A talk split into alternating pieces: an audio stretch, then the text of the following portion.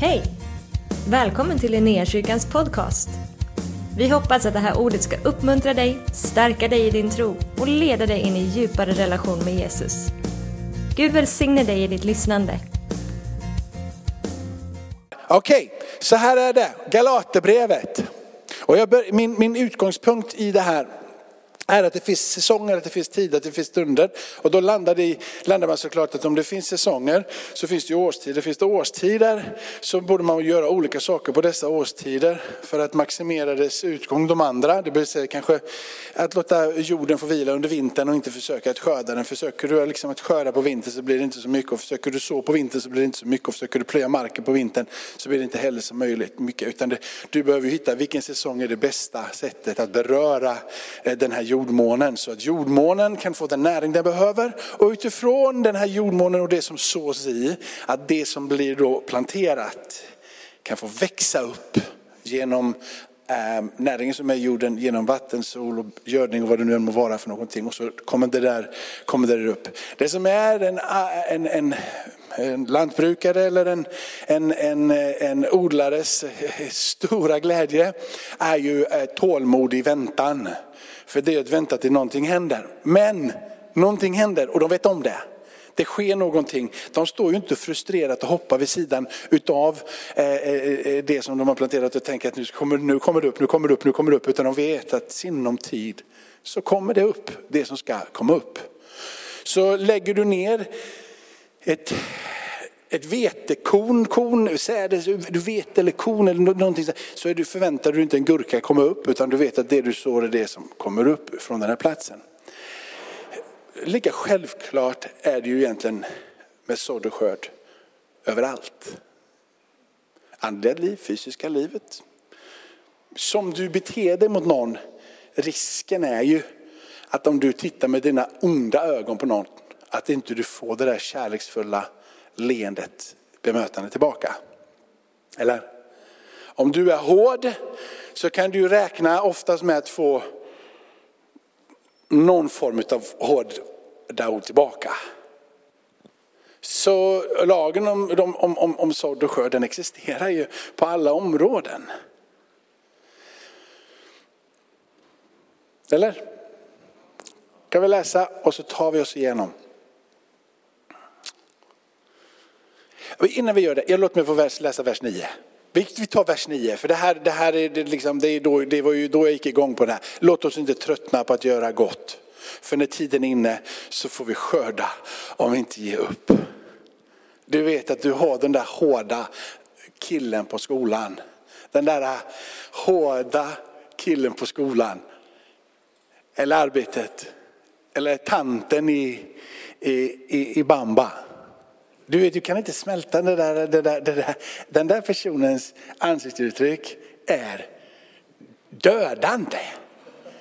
Blicken är satt på dig när du kommer och vad du än gör. Men jag lovar dig, om du som en idiot fortsätter att hälsa och fortsätter att le och fortsätter att ge det bästa du kan ge till henne bara en kärleksfull blick så är jag övertygad om att efter en viss tid, ibland lång och ibland kort, så får vi skörda.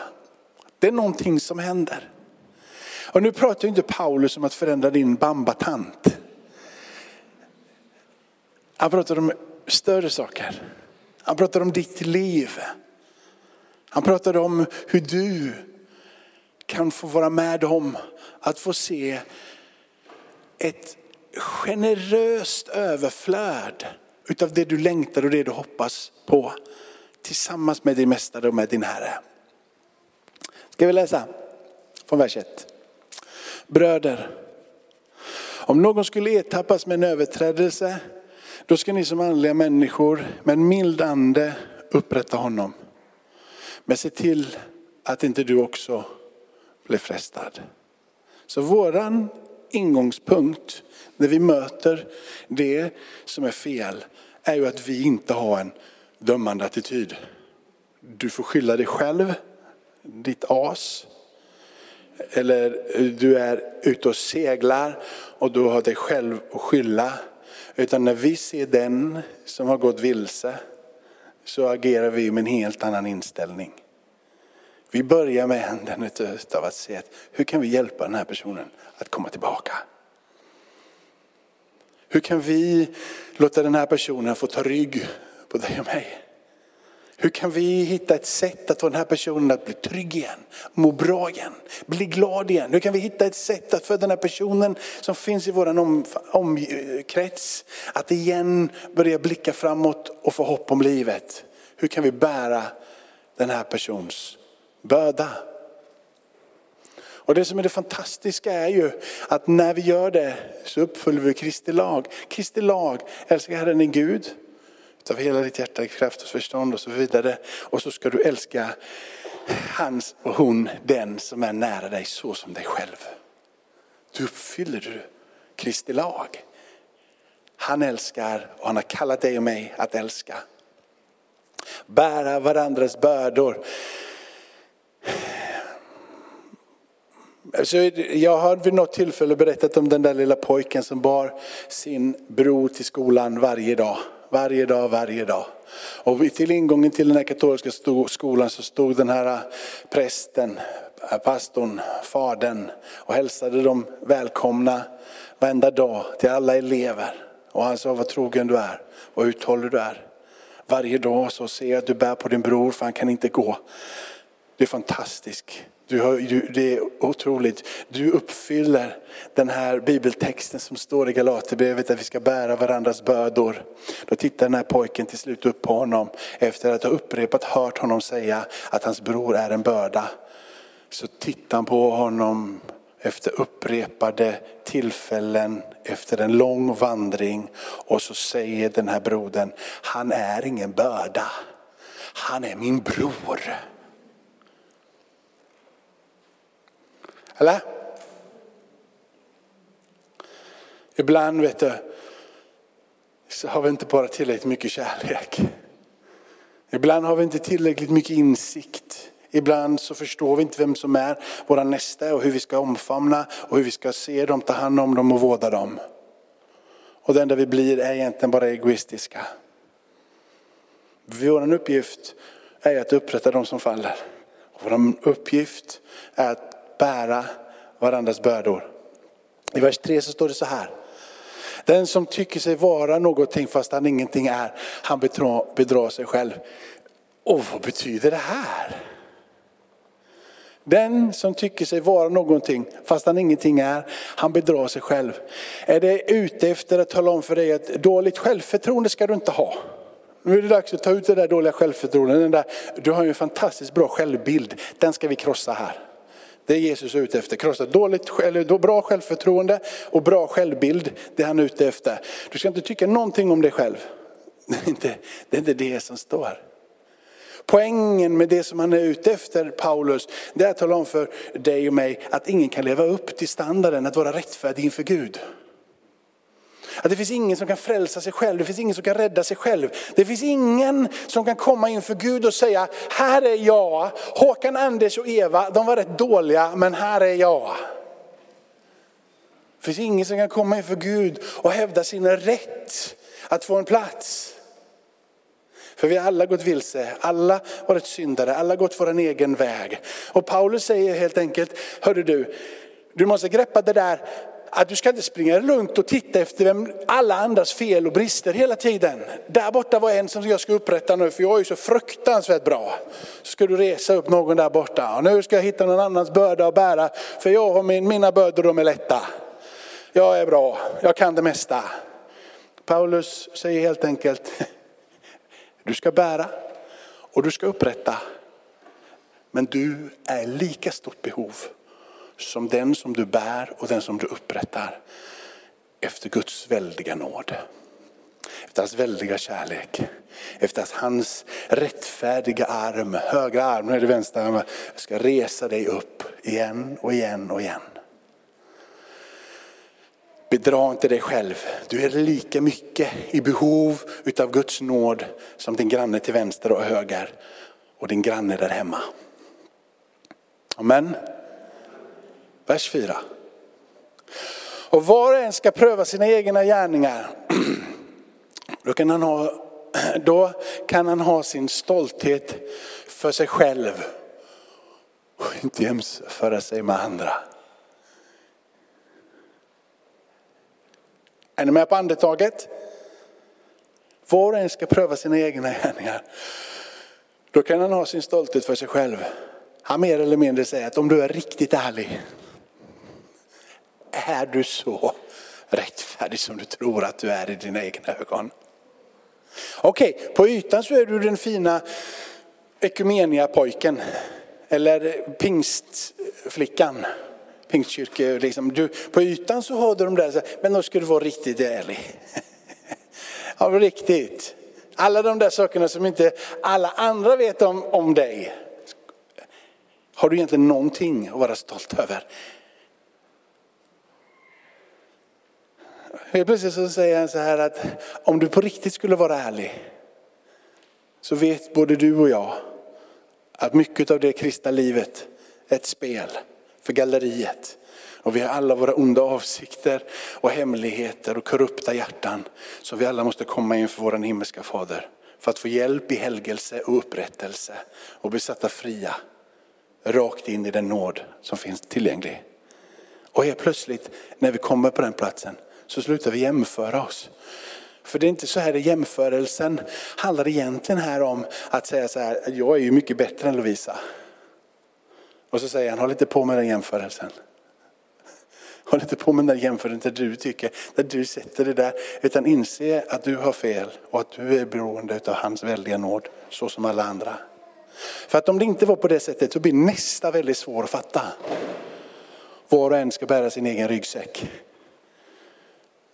Eller hur? Vad stod det, vad stod det i vers, eh, vers 2 va? Vad stod det i vers 2? Och vad står det i vers 5? Okej, okay, vad är det för någon börda? Vad är det någon ryggsäck som du ska bära? Har inte Jesus tagit allt på korset? Liksom, har inte han tagit allt på korset? Är vi inte fria och förlåtna? Är det inte så att det är lagt i glömskans hav, dragit ett streck av det och det är borta där? Det är borta och det finns inte längre. Men så länge som du tror att du inte är behov av att bli gripen om och om igen av hans nåd. Så har du förlorat rättigheten till att hävda att det ligger där borta. För någonting har resit sig upp på din insida som också är synd då. Och det är stolthet och det är arrogans. Jag klarar mig själv. Så han säger som en påminnelse. För att begripen av hans nåd om och om igen. Bär den där bördan med dig som en ständig påminnelse över hans väldiga godhet. Över hans väldiga nåd, hans väldiga kärlek. Hur han fångade dig när du inte var värd honom. Hur han reste dig upp Kom alltid ihåg det och bär alltid med dig in i kammaren när du inför honom vet om din position i Kristus. Hur hans blod har renat dig och du är rättfärdig inför honom. Så påminner han, tack för din nåd som verkar i den här stunden. Det är ryggsäcken att bära. Att påminnas ständigt och jämt om hans väldiga godhet. Att han frälste dig när du var en syndare. Eller vill du ha någon annan börda och ryggsäck? Herre, ta inte på dig någon annan. Då är det han i källan som pratar med honen och med gaffen och som tycker att du är äcklig och vill döda dig. Skit i han. Okej, okay, vers 6. Men den som får undervisning i ordet ska dela med sig av allt det gott till den som undervisar honom. Helt enkelt, sitt, sitt inte håll fast vid alltihop. Får du någonting och du känner någonting och du hör någonting, var med och dela det där. Sprid evangelium, tala in det, tala ut det. Låt det få komma in och komma ut, låt det komma fram och tillbaka. Låt ordet få vara det som är över dig, i dig och ut ur dig. Vers nummer sju. Bedrar inte själva, Gud lurar man inte. Det människan sår ska hon också skörda. Det är som om att det finns en självkontroll i hela systemet. Jag är uppvuxen med att folk sa så här, ja nu syndar den där killen på nåden igen. Eller nu syndar den där tjejen på nåden igen. Och vad de, med, vad de menade med det var ju att, att nåden är så väldig och stor. De hade fattat det så det spelade ingen roll om de sprang bort här och gjorde konstiga grejer för de sprang till kyrkan på söndag. Och så visste de det här, alla personer som satt i kyrkan med sina dömande fingrar. Och satt där och tyckte det var härligt att den kom. Men de, ah, han är där borta och gör sådana saker. Och så springer han där borta och så kommer han hit och så syndar han på nåden. Vem tror han att han är egentligen? Så blev det liksom ett slag emot honom. Men du och jag behöver inte döma någon. Vi behöver inte tänka på det. För Gud själv har redan satt in en lag som skyddar honom själv emot att bli utnyttjad. Men aldrig på bekostnad på hans eviga generositet. Han öser och kan ösa. Du kan inte lura Gud. va? För det du sår, det kommer du att få skörda. Som du beter dig får du ta emot beteende. Som du älskar kommer du bli älskad. Som du pratar kommer folk att prata om dig. Så som, det med, så som du hänger dig åt Herren så kommer du få smaka av det goda som kommer ifrån honom. Om du bara är med din mun och med dina lyfta händer men inte i ditt hjärta har kapitulerat så spelar det ingen roll. Han finns, du kan liksom inte lura Gud. Är ni med? Bedra inte dig själv, du kan inte lura Gud. Du kan inte synda på nåden om det nu finns någonting som heter synda på nåden. För det räcker att det finns ett förkrossat hjärta så öser han över dig med sin väldiga nåd. Och du och jag har inget att säga till om det. Det är så som han har bestämt. I vers 8 så står det så här. Den som sår i sitt kött får, får av köttet skörda undergång. Men den som sår i anden får av anden skörda evigt liv. Jag tycker den säger allt. Eller om den inte säger allt för dig så, så det, är lite, det kanske är någon som, som, som tycker att det är mycket köttfärs av oss, liksom, eller så där, det, som inte är van att gå i kyrkan. Men köttet pekar på det som inte är av Gud och anden pekar utav det som är av Gud, det som är gott. Köttet pekar på det som är ont. Vers 8, eller 9 menar jag. Låt oss inte tröttna på att göra gott. För när tiden är inne får vi skörda om vi inte ger upp. Hur många gånger har inte detta varit en motivator för mig? Alltså, eh, man ser en del saker som händer runt omkring en och man tänker bara att alltså, jag vet inte om det är värt det. Jag, jag vet inte om, nej men jag vet inte, nej, kanske inte, nej men strunt, nej, men, och så bara ge inte upp. Tänk, tänk, tänk först med ditt huvud Jakob.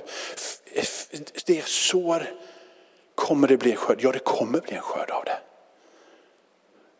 Jag vet i mitt huvud, inte bara i min ande och mitt liksom, Jesusliv. Jag vet att det är så. Det som blir så, det kan vara torka och det kan vara besvärligt och det kan bli liksom orkaner. Men om jag sår igen, någon gång så kommer torkan att sluta. Någon gång så kommer liksom orkanen inte förstöra. Någon gång någon, för lagen om att det som sås, det kommer upp och det blir en skörd. Den existerar där. Ge inte upp Jakob. Ge inte upp. Och vad är det jag inte ska ge upp på i den här kontexten som Paulus skriver? Han säger så här i vers 10. Låt oss därför göra gott mot alla medan vi har tillfälle och säkert mot den som är trons familj till. Han vill helt enkelt att vi ska fortsätta göra gott. Han fattar det här Paulus när han skriver, ni har rötägg mitt ibland er. Och du har människor runt omkring dig som, men jag bara säger som Paulus, ge inte upp. Ge inte upp. Fortsätt älska så som Jesus älskar. Fortsätt bära den som du har runt omkring dig så som Jesus har burit dig. Fortsätt att ta hand om människor som finns runt omkring dig. Du har en hel sommar på dig att bara vara god rakt igenom. Känn inte att du blir dränerad på kraft, utan bara börja om igen och bara säga det är värt det. Jag tänker inte ge upp. Jag ska komma med det där leendet. Jag ska komma med den där kramen, jag ska komma med en positiv attityd. Jag ska komma med allting det jag har. Nu säger du kanske att jag är trött och jag, jag orkar inte.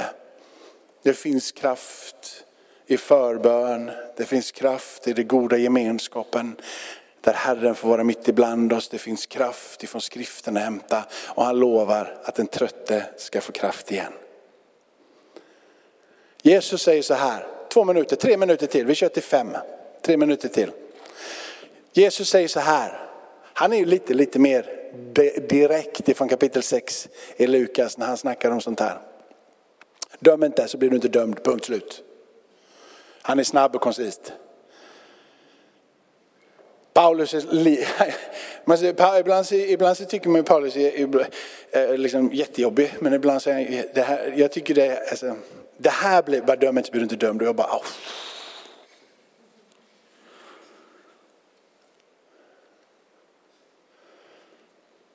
Vet att du känner samma sak. Det är snabbt att döma Håkan, Anders och Kurt. Och till liksom, det är väldigt snabbt att döma ja, men, någon som kanske alla har dömt här inne. Jag höll på att säga om du är vettig, men det menade jag inte. Men det är ju dömt Trump till exempel. Eller Putin. Eller någon annan som, du, som, som många tycker illa om. Typ, det är lätt att sitta där med, med Putin och bara säga Putin och bara alla bara eller hur? Och jag förstår och Gud förstår. Det han gör är ju märkligt. Men någonstans där så är vi kallade att be för Putin. Någonstans där så är vi kallade att säga grip in i Putins liv. Jag kan inte förstå honom, jag kan inte fatta honom, jag kan inte förstå överhuvudtaget. Jag bara lämnar det där borta men bara, åh Gud om det är möjligt, grip in i hans liv. För jag vill inte bli dömd. Jag vill inte ha den där attityden, för jag vet, jag tror att det här speglar lite det som sker i, kapitel, i vers 9 i kapitel 6 där. Ni vet det som sår i köttsåker, så jag får skörda det där. Att den där bitterheten, den där attityden, den där ilskan, vad den är mot vara, blir liksom illaluktande och fastnar på oss. Trots att det är rätt någonstans att inte tycka om Putin. Är ni med? Putin dödar folk, det är inte rätt. Han gör fel. Men det är inte rätt för ditt hjärta och ditt liv att ha en hård och dömande attityd på din insida. Det är förpestat och det stinker. Det går faktiskt att säga, jag gillar inte det Putin gör, men jag ber för honom. Jag gillar inte överhuvudtaget det som händer, hårt och bestämt. Men skulle jag ha framför mig så vill jag ha en kram och säga, kan du inte sluta? Snälla.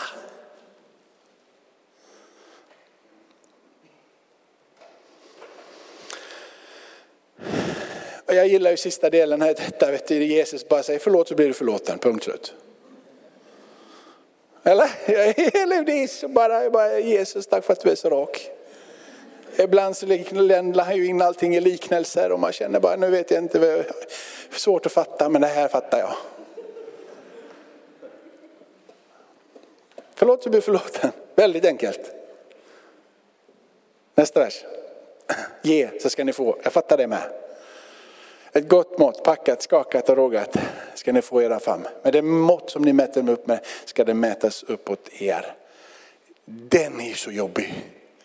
För jag blir inbjuden att vara generös. för det, eller hur läser du det? Ge och jag ska få ge. Ge så blir jag ju fattigare. Men du har inte fattat poängen med det som kommer från hans hjärta. Han säger att är du generös så kommer du ha i överflöd. Du tänker att om jag ger fem kronor så kommer jag få 50 kronor. Det är inte det han säger. Han säger att lev generöst så ska du få i överflöd. För den som är generös i sitt hjärta, i sin inställning, i sitt liv runt omkring kommer ständigt och jämt att få vara en kanal för att få ge. Och den som ger, vet du, alla andra runt omkring älskar den personen. Om det inte är så att personen är lurig på sin och försöker köpa folk. Men det märker man rätt snabbt. Du vet, det är vara jämte en som är givare. Det är det bästa som finns. Någon som talar gott, lever gott, tar hand om varandra, bestämmer sig att jag vill göra det här med det här för dig, jag vill hjälpa dig med det här. Du vet, du bara, det bara... Så frågan är, om du är den som har gett mer än vad du har fått. Den där är jobbig ibland. Jag har testat mig själv några gånger. När man har träffat haft vänner eller, så du vet, som är sjukt mycket rikare än en själv. Om man vet att skulle jag gå på restaurang och de bjuder så rör det inte deras plånbok. Men det rör min plånbok. I alla fall i förhållande till deras plånbok. Och så bestämmer man sig, då ska jag betala. Jag ska vara nästan, jag ska vara nästan betala. Och så säger den här personen att nej, jag betalar. Nej, då, då, jag betalar.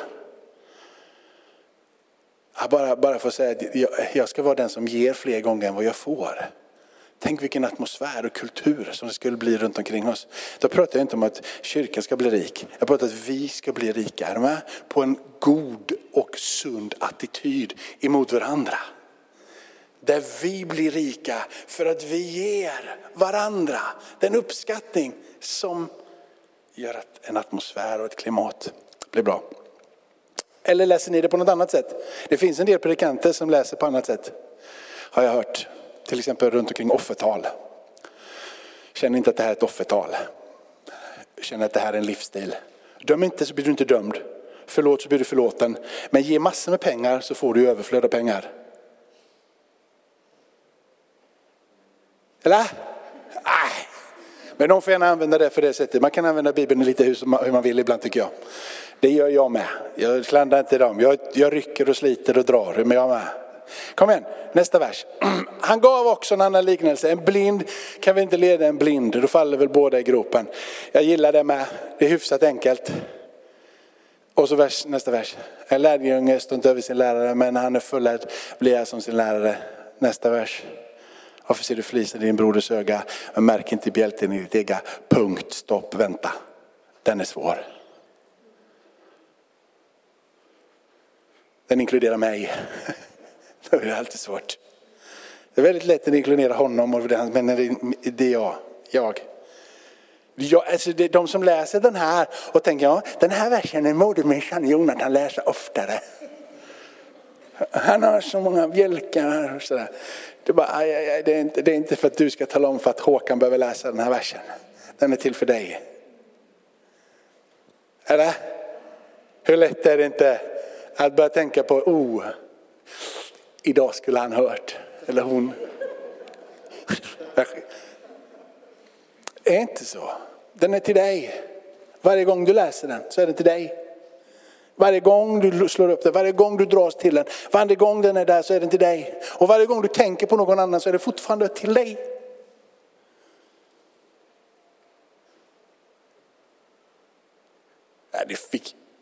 Jag vet att den är jobbig men kan vi inte viska ett amen eller någonting? Amen. Varför ser du flisen i ditt broders öga men märker nu har jag gått över fem minuter mot vad jag sa så nu får jag snabba på nu men det är bara en vers Va? Hur kan du säga till din broder, låt mig ta bort flisen i ditt öga, när du inte ser bjälken i ditt eget. Hycklare! Ta först bort bjälken ur ditt eget öra. öga, då kan du se klart och ta bort flisen i din broders öga. Så hjälp oss Herre. Hjälp oss Herre. Låt inte den här predikan få bli lag, låt den inte få bli hård. Låt den få bli så generös utav nåd och inbjudan till ett generöst liv tillsammans med dig som det var menat och ämnat. Jesus, när du mötte människor så dömde du aldrig. Du befriade människor, du satte dem fria, du upprättade dem, du gav dem förlåtelse. Jesus, det är på det sättet som den här texterna ska förstås och läsas. Att sätta oss fria ifrån oss själva och in i ditt väldiga rike. Så jag ber att slutet på den här gudstjänsten Herre, när vi nu ber för varandra, så kommer den där kapitulationen inför dig Herre och frigörandet, hur du löser liksom oss ifrån band som binder och så blir vi upprättade. Tack för tro, för liv, för rörelse i den här lokalen på slutet av den här gudstjänsten. Och jag ber att den som, jag ber Herre att, att du ber och du inbjuder oss till att be. Alltså är bön en nyckel för våra liv med dig. Jag ber Herre, för den som är här idag och tänker men jag behöver inte förbön. Jag ber att precis den personen skulle bara säga, idag är det dags för mig. Idag ska jag be. Jag vet inte vad det är jag behöver men idag ska jag be för någon och med någon. Tackar dig Herre för att den här eftermiddagen och slutet här nu på den här gudstjänsten fick bli revolutionerande. Fick hända det där som vi inte kan förklara. Det du pumpade utav dig själv i våra lungor. Och jag kände att här är jag inför dig Gud, sänd mig. Välsigna mina vänner. Välsigna mina vänner. Ska vi stå upp tillsammans och be så får du igång lite rörelse i kroppen. Blodet börjar cirkulera. Det är inte bara Jesus som cirkulerar utan ditt blod behöver lite cirkulation också. Ska du börja be? Om du vågar be, aldrig bett. Jag skulle inbjuda dig att be dock om du aldrig har bett. Jag, jag brukar förklara det, förklara det så här att jag vet nästan alltid vad min son vill. Men det är för ljuvligt när han säger jag vill ha McDonalds. Och bara känna att jag visste det innan han sa det. Och det är klart att han ska få det. Den där känslan som jag tror Gud har när han ser sina älskade barn och säger jag vet precis vad Lovisa behöver. Jag vet precis vad var och en här inne behöver. Jag vet precis vad ni behöver. Men jag bara längtar efter att få höra er röst. Jag längtar efter att du uttrycker det så jag får säga det är klart att jag vill.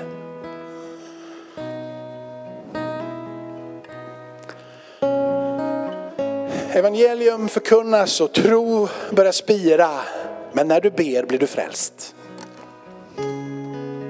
Evangelium förkunnas och Guds rikes uppenbarelse landar på din insida. Och när du ber så börjar det bli en verklighet för dig. Hela skriften är utandad av Gud till nytta och den hjälper dig att förstå. Men när du ber så kommer sanningens ande och tar utav det och hjälper dig att förstå. Nyckeln, bön. Vågar du be? Du kan be medan jag pratar om du är van bedjare. Är du inte van bedjare så säg bara kanske Jesus, om du finns rör vid mitt hjärta. Jesus, är du en verklighet så visa det för mig. Den enklaste bönen kan ge de största förvandlingarna. Jag har provat själv vid några tillfällen att bara säga hjälp. Funkar skitbra. Det är som att han förstår bara jag säger något. Bara hjälp mig. Och så bara känner man att det blir lugn på insidan. Jesus, hjälp mig. Tack för att du har varit med oss. Hoppas du känner dig inspirerad av Guds ord och har fått nya perspektiv. Hör gärna av dig till oss och berätta om Gud har rört vid dig på något sätt. Vi är så glada att få höra vittnesbörd om vad Gud gör. Du kan mejla oss på adressen info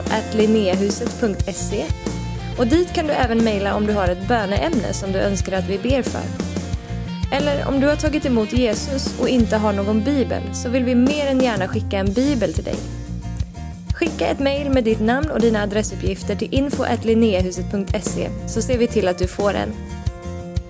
Om du vill ge en gåva till Linnéakyrkans arbete för att nå fler människor med evangelium så kan du swisha till 123 520 0993. Du kan också besöka oss på linneakyrkan.se för att få mer information. Välkommen tillbaka att lyssna snart igen.